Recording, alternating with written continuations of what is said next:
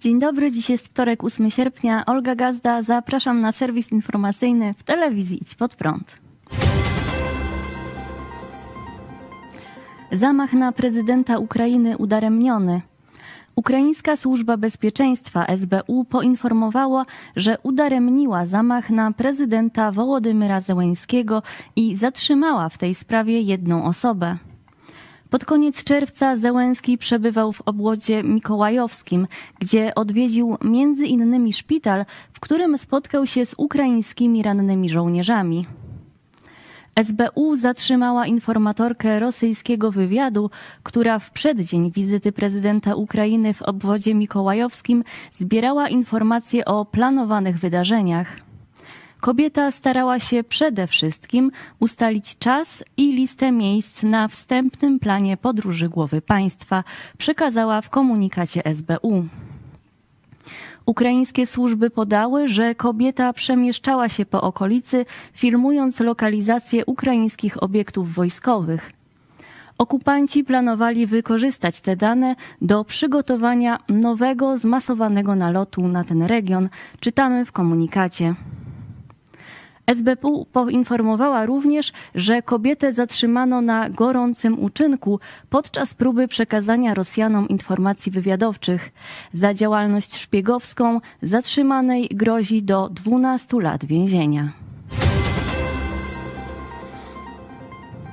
800 plus zamiast 500 plus. Wczoraj na pikniku rodzinnym w Tarczynie prezydent Andrzej Duda podpisał ustawę podnoszącą kwotę świadczenia 500 plus do 8, 800 zł. Zmiana wejdzie w życie z dniem 1 stycznia 2024 roku.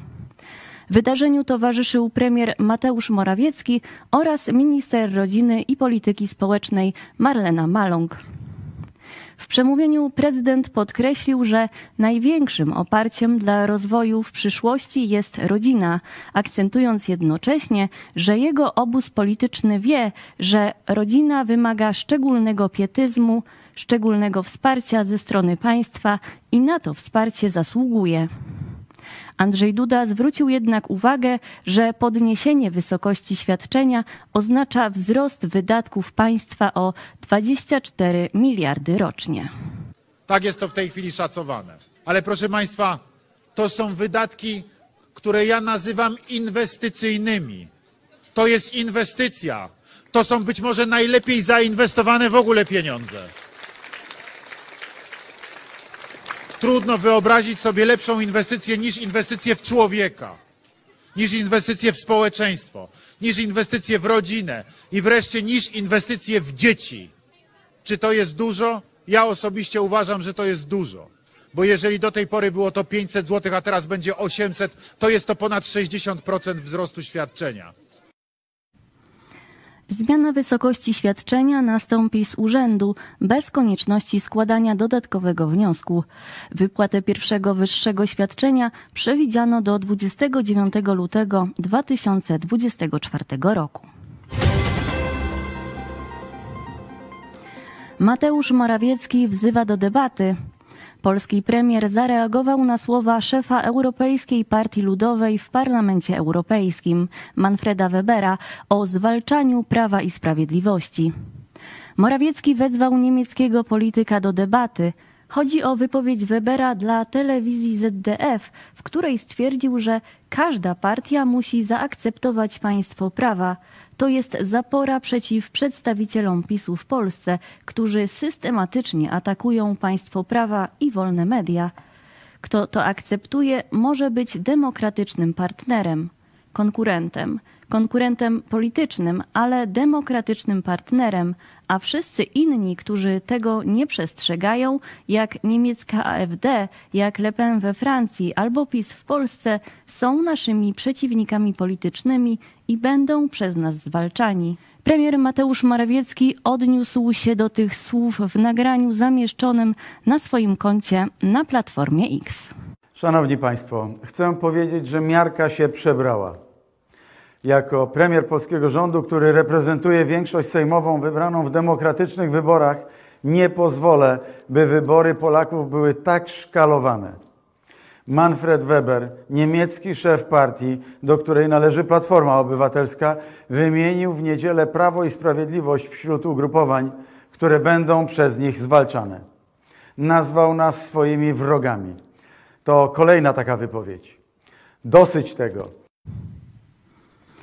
Premier dodał również, że jeśli Niemcy otwarcie przyznają, że wybory że będą ingerować w wybory w Polsce, to niech staną z otwartą przyłbicą. Panie Weber, proszę nie posługiwać się swoim pomocnikiem Donaldem Tuskiem. Proszę stanąć do debaty. Zarzucacie nam łamanie demokratycznych reguł? Proszę to powiedzieć milionom Polaków w telewizyjnym starciu. Zapraszam Pana na debatę 2 października. W najbliższych dniach jesteśmy gotowi rozmawiać o szczegółach takiego starcia. Niemiecki polityk już wcześniej wypowiadał się w podobnym tonie, udzielając w czerwcu wywiadu dla Frankfurter Allgemeine Zeitung. Powiedział wówczas: Jesteśmy jedyną siłą, która może zastąpić PiS w Polsce i poprowadzić kraj z powrotem do Europy.